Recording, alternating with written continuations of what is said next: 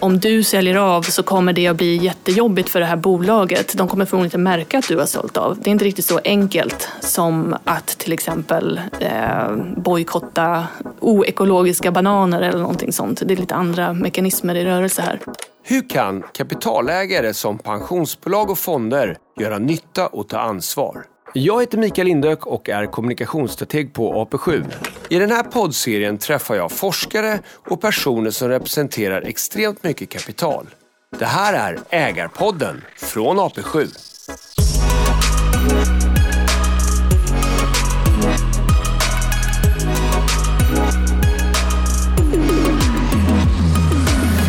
Bolag med stora utsläpp. Ska man sälja av dem eller ska man behålla dem och försöka påverka dem? Dagens gäst är till vardags forskare vid Handelshögskolan i Stockholm i gränslandet mellan ekonomi och hållbarhet. Välkommen till Ägarpodden, Emma Sjöström. Tack så mycket, vad kul att vara här. Du, din titel den är ju doktor vid MISUM på Handelshögskolan i Stockholm. Berätta, vad är MISUM? MISUM är ett centrum vid Handelshögskolan som sysslar med forskning om hållbarhet från ett marknadsperspektiv. Och vi är finansierade av Mistra som är en forskningsstiftelse. Så det är en förkortning för eh, Mistra Center for Sustainable Markets. Och eh, vi samlar forskare från alla möjliga olika institutioner på skolan så det är ganska brett skär genom både finansinstitutionen och eh, nationalekonomi, organisationsforskning och så vidare. Så att vi sitter ute på våra institutioner och så har vi det här centret då, där vi möts. Och ehm, det här har hållit igång nu i sex år ungefär tror jag.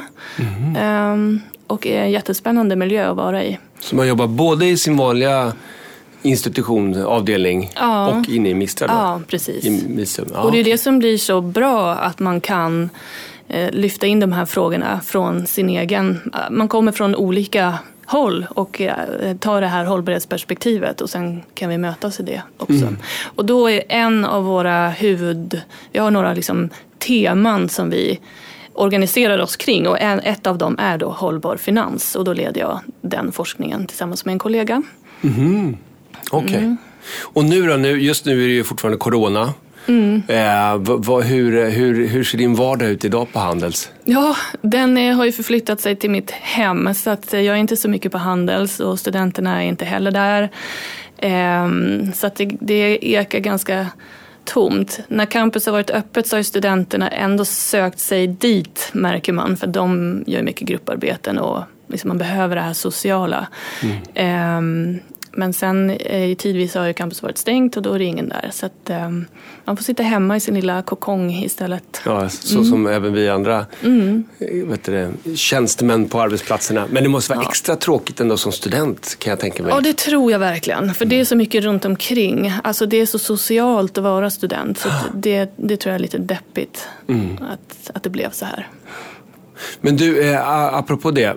Vad skulle du säga, om man, eh, nu sparkar jag in en öppen dörr här. Mm. Skulle du ha intresset för hållbarhet och ESG och alla benämningar, skulle du säga att har det ökat? Märker man av det inom, på Handels och även inom... Det här är ju framtidens akademiker, vet det, VD och toppchefer och allting sådär. Ja, det är ju det. Det är ju oproportionerligt många handelsstudenter eh, som sitter i Sveriges bolagsstyrelser och så vidare. Om man tänker på hur liten skolan ändå är och mm. att det finns så många ekonomiutbildningar. Och eh, nej, men hållbarhet har verkligen fått stort utrymme på skolan och det kommer nog både underifrån och uppifrån om vi säger. Alltså, studenterna har ett jättestort intresse, de vill gärna skriva sina uppsatser inom det här och de, de, de är väldigt intresserade och samtidigt så tror jag att ledarskapet vid skolan har också prioriterat det här och det är en strategisk fråga för Handels numera att mm. vi införlivar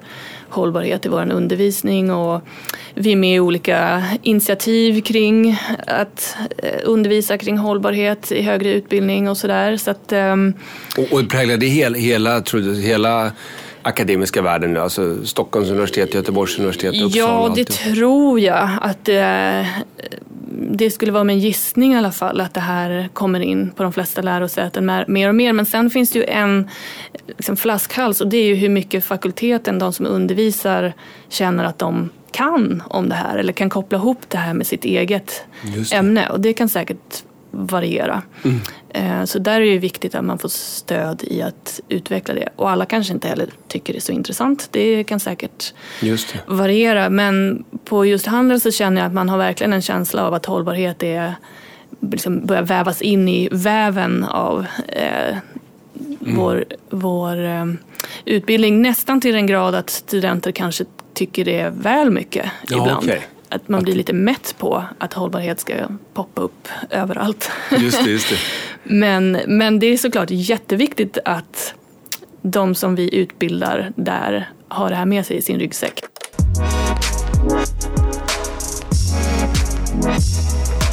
2020 publicerade du en forskningsrapport med rubriken Active Ownership on Environmental and Social Issues, What Works? Och det är då en sammanfattning av akademisk litteratur från de senaste tio åren på området aktivt ägande och hållbarhet. Mm. Den svartvita diskussionen går ju ofta ut på Antingen säljer man av, de har tagit ansvar mm. av att nu äger vi inget, inga onda bolag. Eller så äger vi för att vi ska påverka och ta ansvar därigenom. Ja, det är ju den stora knäckfrågan. Och eh, jag får en känsla av att många tänker sig att det finns ett svar på det. Så man frågar, är det, bättre, är det bättre att sälja av alla fossila bolag till exempel? Eller mm. är det bättre att stanna kvar och gå på bolagsstämman?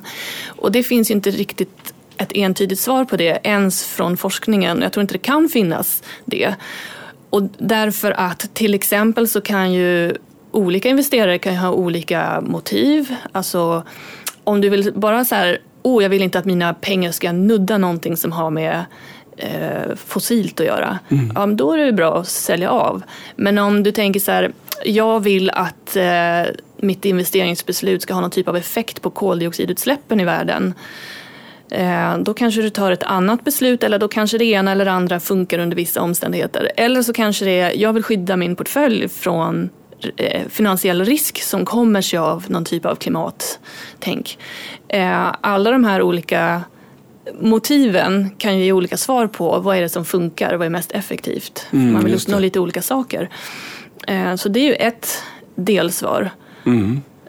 Och sen så kan det också vara så att de här kombinationerna. Eh, strategierna kanske funkar som någon typ av kombination. Man kanske kan göra det ena först och det andra sen. Eller det finns så mycket att vrida och vända på i det här. Mm. Men jag tror inte det är så enkelt som många tror att eh, om vi bara säljer av våra innehav i de här bolagen så blir världen bättre. Det finns mer att vrida och vända på eh, i det här. Ja, just det jag förstår.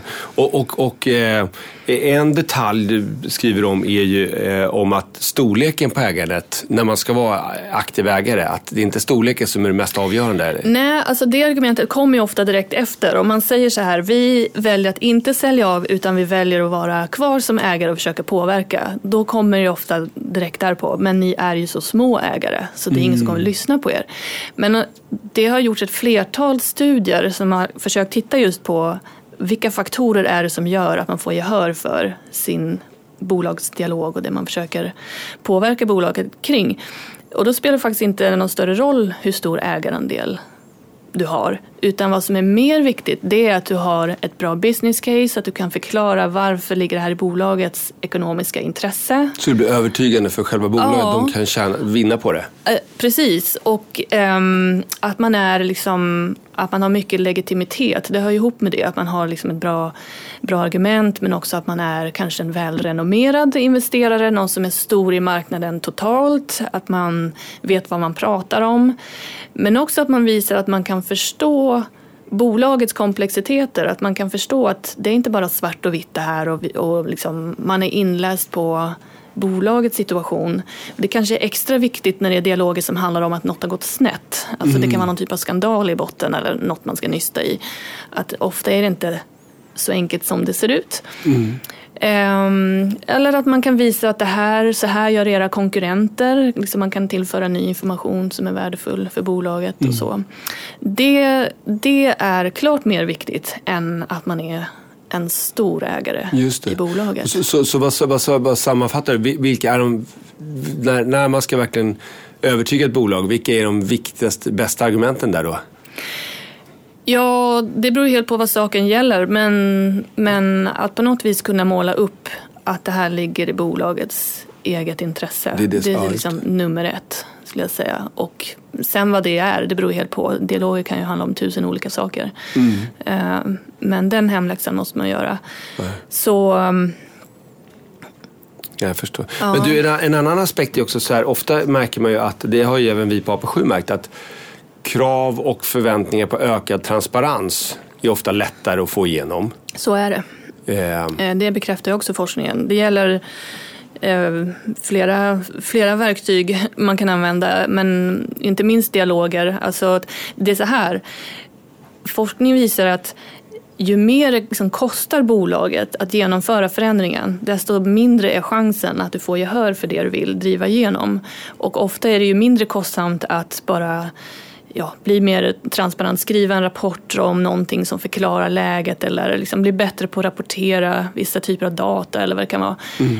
Den typen av åtgärder är ju oftast inte så kostsamma jämfört med att ställa om någonting, liksom att ändra någonting i grunden i bolaget eller någonting mer sådär konkret. Mm, men, men, och då kan man ju tänka sig eh, verkligen att det är lite lågt hängande eller lite, lite låg, det är liksom lite, ställa lite låga krav på bolagen. Och är det lite kört vad det gäller att påverka fossilbolagen i så fall för deras kärnverksamheter? Alltså både och. Jag tror att transparens är ju liksom ett första helt nödvändigt steg för att kunna göra sen de här så kallade riktiga förändringarna. Man måste ju ändå ha koll på Eh, vad är våra risker? Vad är våra utsläppsnivåer? Och, eh, och liksom, vad betyder det här och det här beslutet? Liksom allt det här som disclosure och, och transparens handlar om. Mm. Det, det i sig kan ju sätta igång processer internt men det får ju inte stanna där. Det är det som är grejen. Och eh, eh ja, och det är också viktigt att vi som forskare kan försöka följa upp vad händer därefter för annars vet vi inte om det här är effektivt. Och Nej. det är mycket lättare också tror jag för er investerare att rapportera om eh, hur många gånger har vi liksom bett om en förändring? Hur många, man kan ju lägga förslag på bolagsstämman till exempel och det finns alla möjliga saker man kan göra. Hur, hur många gånger har vi gjort det här än vad hände sen? För det är så svårt att följa upp. Mm. Men när det gäller eh, din fråga där om bolag, alltså oljebolagen eller fossilbolagen och de håller ju ändå på med fossilt hur man än vrider och vänder på det. Eh, det är ju absolut en rimlig fråga att mm. ställa, mm. är det värt? Men jag tror att dels är det väl så att jag tror att man kan eh, bedriva även sån verksamhet mer eller mindre ansvarsfullt inom den här sektorn man är i. Så är det väl alldeles säkert. Du menar att olika oljebolag eller? Ja, det tror jag att man kan. Man kan vara mer eller mindre ansvarsfull givet att man nu är i den här sektorn. Mm. Eh, det är väl en aspekt på det hela. Eh, och det finns ju flera bolag som har sagt att de ska vara koldioxidneutrala vid något visst årtionde och det kan man ju mm. såklart ifrågasätta. Eh, men det kanske att, finns att de, skruvar att skruva på även inom den sektorn. Just, och att de mer och mer kanske ses som energibolag istället för ett strikt... Precis, och sen finns det väl de som hävdar att om vi nu vi tror att vi kommer att använda fossila bränslen ett tag till innan mm. vi helt har ställt om så kommer de här bolagen ändå ha någon typ av utrymme. Um, så att uh, det, det är ingen enkel fråga Nej, att svara exakt. på, så är det ju. Du, eh, bara för vet du, lingot här i, i, ehm, i ägarstyrningskretsarna. Det finns ju något som heter motioner och resolutioner och sådär. Ja, mm. alltså om man är aktieägare så har man ju rätt att lägga ett förslag till stämman, till årsstämman dit alla aktieägare kommer och så får alla rösta på det om mm. de tycker det är bra eller inte. Och det kan man ju kalla en motion på svenska, på engelska brukar det heta shareholder resolution. Eh, och det är ju jättevanligt, särskilt i USA skulle jag säga, att man lägger sådana motioner. Och hållbarhetsrelaterade motioner som eh, för de här kan ju handla om lite vad som helst. Men just det som handlar om hållbarhetsfrågor har också blivit väldigt vanligt. Jag skulle säga att alla storbolag på börsen i USA får den här typen av förslag på sina stämmor. Men sen är det ju så att man behöver inte följa utslaget av det här. Det är inte så att åh, om 52 eh, procent röstade för det här förslaget så måste man genomföra det. Däremot så tror jag att de flesta bolag som får ganska höga röstetal på de här tar ju det som en ganska tydlig indikation på vad deras ägare vill och kommer liksom att ändå, ja, kanske inte hörsammare men ändå på något vis ta tag i det här mm. i någon mån. Um, och det finns ju också forskning som visar på, man har försökt titta på när man har lagt sådana här motioner och de har fått höga röstetal, har de sen implementerats? Mm. Uh, och det är ju långt ifrån alltid som de har. Och, och, kan man inte se det som att man går rakt emot sina ägare? Eller? Jo, det kan man ju absolut göra. Mm. Eh, men det beror ju på. Alltså, I den här världen så även om du skulle få sig 30 procent så anses ju det ändå ganska högt. För då har man ändå ganska många ja, med sig. Eh, men då kanske det är ändå 70 procent som inte tycker att det här var något de ville lägga mm. sin röst på. Men ehm, det där tycker jag är en ganska spännande mekanism ändå. Att mm. man kan vara så tydlig med vad man tycker i vissa frågor via det här röstningsförfarandet. Men det är en sak som är intressant där också så här, i, i att om man kopplar tillbaka till vad du sa lite tidigare med att storleken inte är viktig. Mm. Om man ska komma upp i 52 procent låter det som lite så som eh, många ägare gör, att det handlar om att samarbeta. Så är det ju och precis som eh, när det gäller dialoger eh, där man bara pratar med bolagsledningen så i de här sammanhangen när man röstar så är det också så att du har större chans att få höga röstetal om du är, eller tillsammans med andra, om du är en eh, spelare som många känner till, som är trovärdig, du kanske är stor i marknaden. Så att om du inte är det själv så kan du ju kroka arm med någon annan. Det är ju jättevanligt att man lägger sådana motioner ihop, mm. flera investerare. Eh, och, och, vilka frågor man brukar lyckas komma fram till? Är det så som du pratade om tidigare också, transparens? Det, det... Absolut, det är, det är nästan bara de som hamnar i toppen. Om man gör en lista över vilka motioner har fått högst röstetal, då är det nästan uteslutande sånt som handlar om transparens.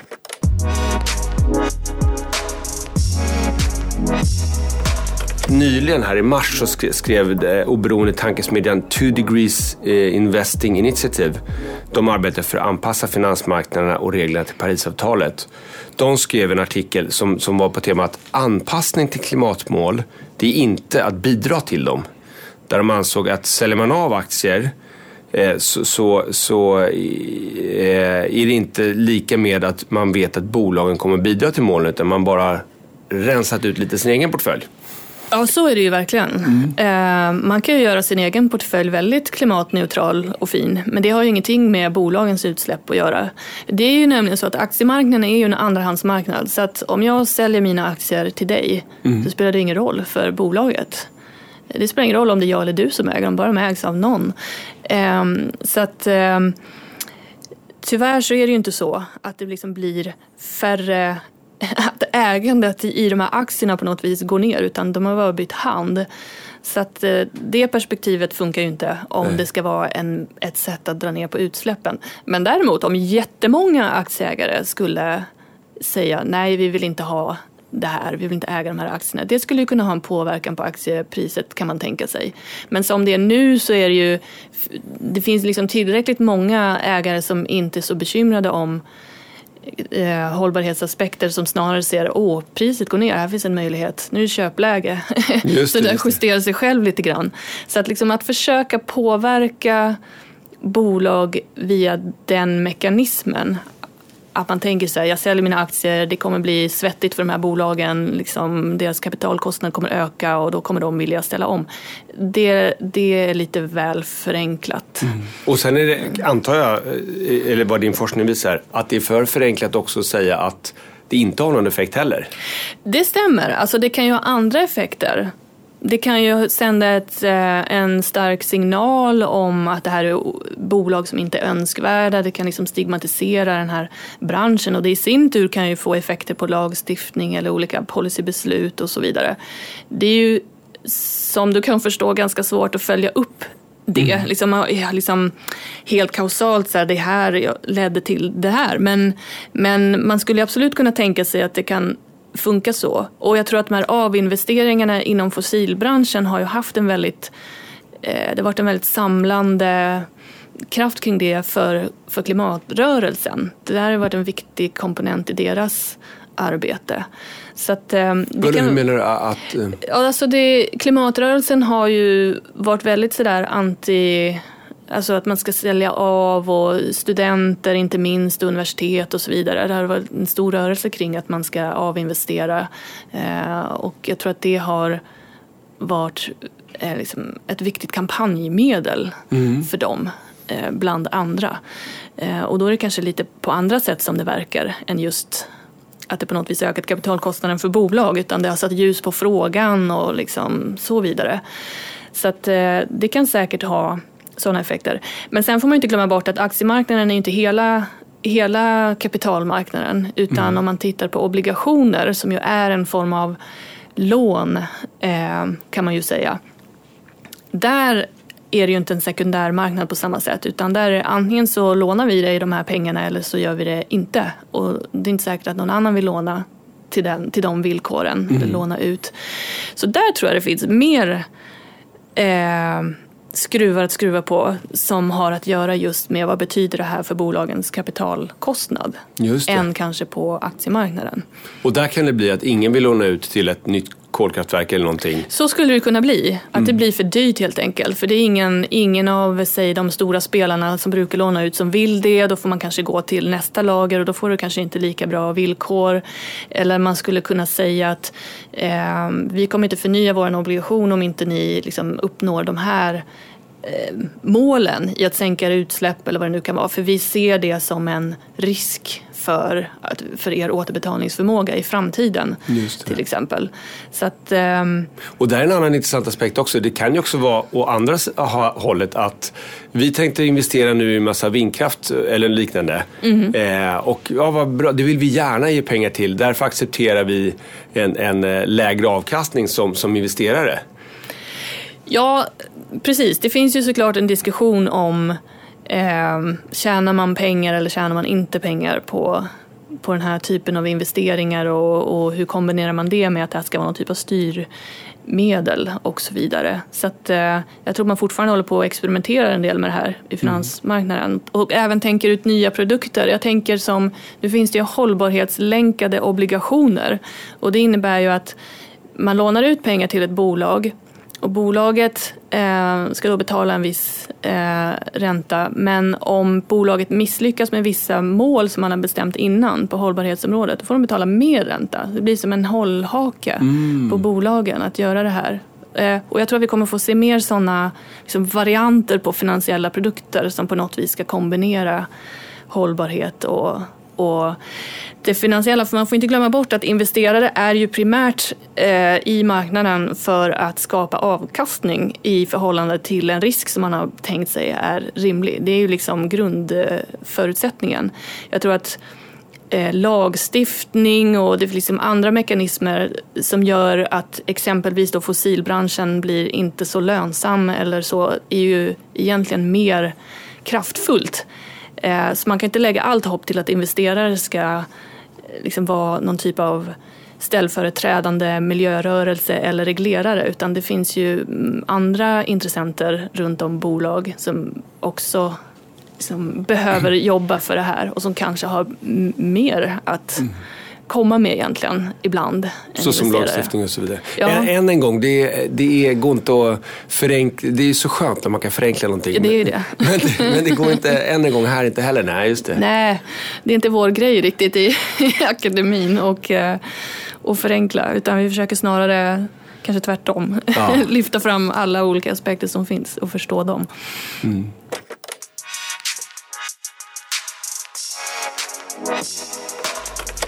Du skrev ju din rapport 2020 eh, och eh, nämner bland annat att det finns luckor i forskningen som skulle lämpa sig för eh, vidare forskning i framtiden. Ja. Eh, och bland annat skriver du att forskningen fokuserar på framgångsfaktorer för att ägare ska kunna påverka.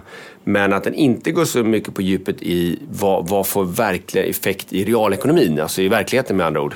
Nej, så är det ju. Alltså jag tycker att många forskare stannar vid att se Eh, till exempel då det här vi pratade om med transparens. Det blir fler rapporter som ges ut och det är bra om det är det man har bett om och då anses det vara så här, ja då, då uppnådde vi det vi ville. Men man skulle ju vilja förstå liksom Ja, men rent konkret, leder det här till att koldioxidutsläppen går ner eller att fler arbetstagare i låglöneländer får liksom de villkor som de har rätt till eller vad det nu kan vara. Allt handlar ju inte om klimatet såklart. Um, där skulle jag önska att man kunde ta forskningen ett steg längre så att vi kan förstå verkligen de riktiga effekterna. Mm. Um, och, och, är, det liksom, är, det, är det i hur man ställer problemformuleringen? Så, som... Ja, det tror jag. Alltså, ofta blir det ju så som forskare att man, man måste ju ha data för att kunna svara på frågan. Och då är det ju klart lättare att ta data, till exempel hur många procent, eh, hur, hur, höga röstetal har de här aktieägarmotionerna fått? Det är ju ganska lättillgängligt. Mm. Man får gräva lite mer om man ska försöka förstå liksom, vad, blev, vad hände sen? Eller vad händer internt i bolaget efter att den här dialogen har förts? Eller vad händer fem år senare? Jag, I min avhandling som jag skrev för en massa år sedan så var, skrev jag en del om det här med normförändringar. Mm. För jag tänker mig att aktieägare är vad jag kallar för normentreprenörer, eller kan vara. Alltså att man är med och förskjuter normer om vad som är rätt och rimligt eller vad är ett företags ansvar eller vad det kan vara. Och för att få se sånt då måste man liksom titta tillbaka i backspegeln ganska långt i tiden. Det är inte så lätt forskning att göra. Mm. Så jag tror att um, och, och med norm, då menar du, alltså så här, vad är, som du säger, rätt och fel? Det är som det med shareholder value eller stakeholder value. Och vad, alltså, vad är ett alltså- ansvar att förflytta det? Ja, vi har, ju, vi har ju redan förflyttat bolagens ansvar över tid gällande vissa saker. Alltså det klassiska exemplet är ju när på 90-talet så började vi med outsourcing från att inte ha gjort det lika mycket tidigare och det, nu skulle allt göras i låglöneländer när Kina började öppna upp och sådär.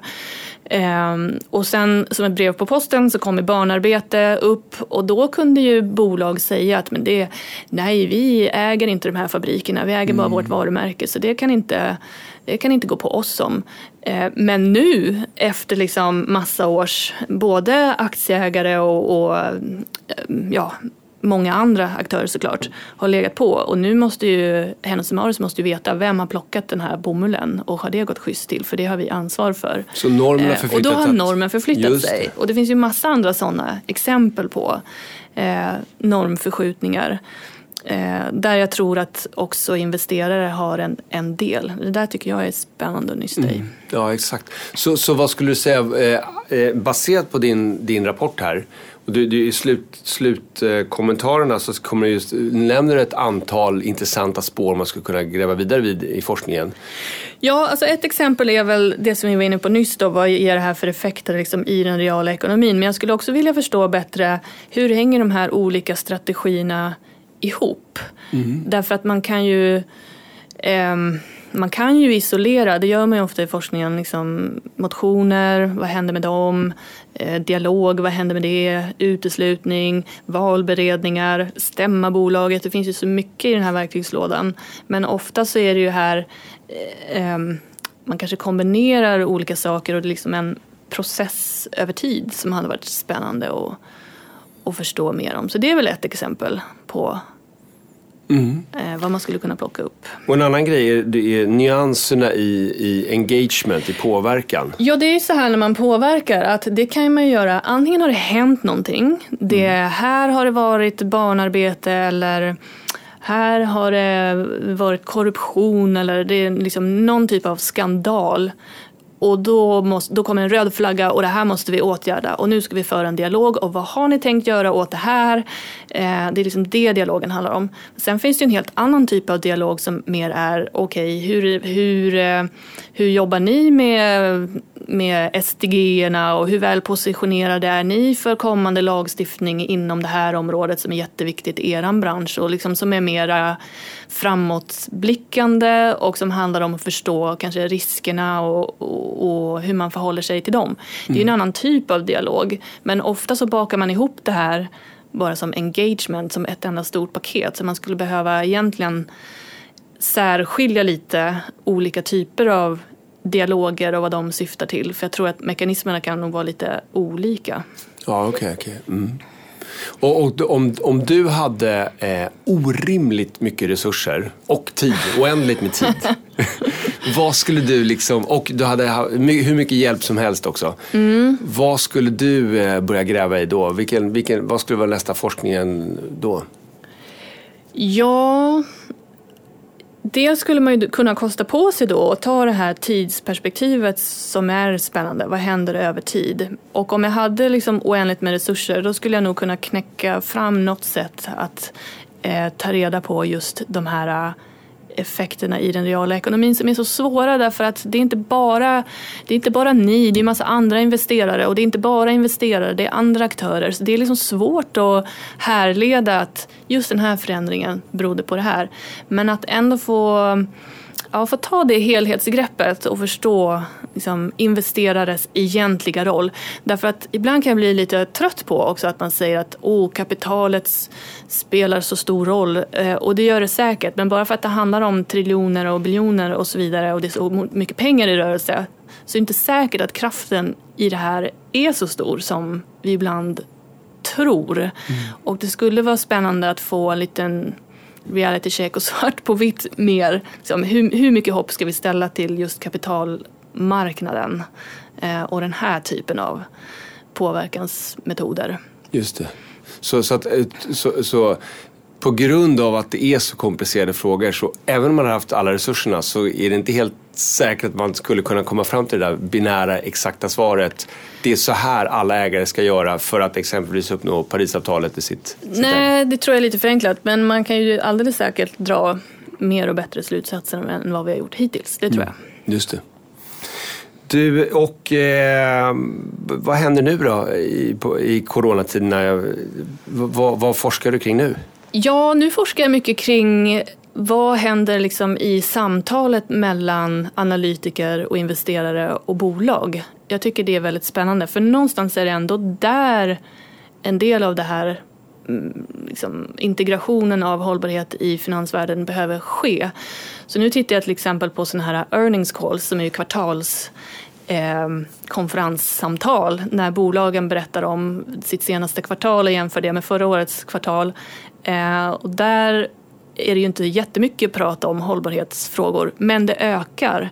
Och det är intressant att förstå hur Um, ja, dels hur mycket man pratar om det här och vad drivs det av? Är det liksom att analytiker ställer frågor eller är det att bolagen lyfter in det här mer och vad pratar man om? Och, um, um, ja, det där samtalet intresserar mig ganska mycket. så det är ett spår uh, vi har. Men sen tittar vi på en helt annan sak också som har att göra med hållbara städer och hur investerare kan vara med och finansiera den omställningen. Så vi pratar med kommuner i Sverige om, om eh, vilket behov har de egentligen av privat kapital och hur, vilken roll kan det spela för, för deras omställning. Och bägge de här spåren, är de egentligen drivna av vad är intresset för en analytiker att prata om frågan? Vad är intresset att bygga hållbara ställen? Det är hur kan man räkna på det? Mer än att det bara är för show, alltså för, för att jag vet ja, att måste... det behöver ju handla om det. För om vi kommer tillbaka till liksom, vad är investerarens uppgift? Det är ju inte primärt att rädda världen. Det är inte därför man investerar pengar eh, från början. Sen kan mm. man göra det också eller man kan se det som ett sätt att tjäna sina pengar. Men, men det måste ju gå att räkna hem ändå. Mm. Eh, så, att, så när det gäller de här earnings callen då, som säkert har något svenskt namn, men hur som helst, där handlar det mycket om hur kan man eh, vad är det liksom i bolagets equity story som man säger som är eh, kopplat till hållbarhet och som är relevant i de här sammanhangen. För det är lätt att bara bladdra på om omställning och 2050 och hej och hå, men det är ju ingen analytiker som kommer ta hem det sen i sin Excel-modell och göra något av det. Uh, Än en gång, svårare att räkna på det. Ja. Exakt. Mm, mm. Ja, men gud vad spännande. Då, då säger jag lycka till med det och hoppas att vi kommer då komma fram till hur eh, dels de hållbara städerna ser ut i framtiden och eh, hur eh, earnings callen blir, blir hållbarare kan man säga. Va? Ja. Stort tack att du kom. Tack själv, det var kul att vara med. Ja, vad kul. Tack. Mm.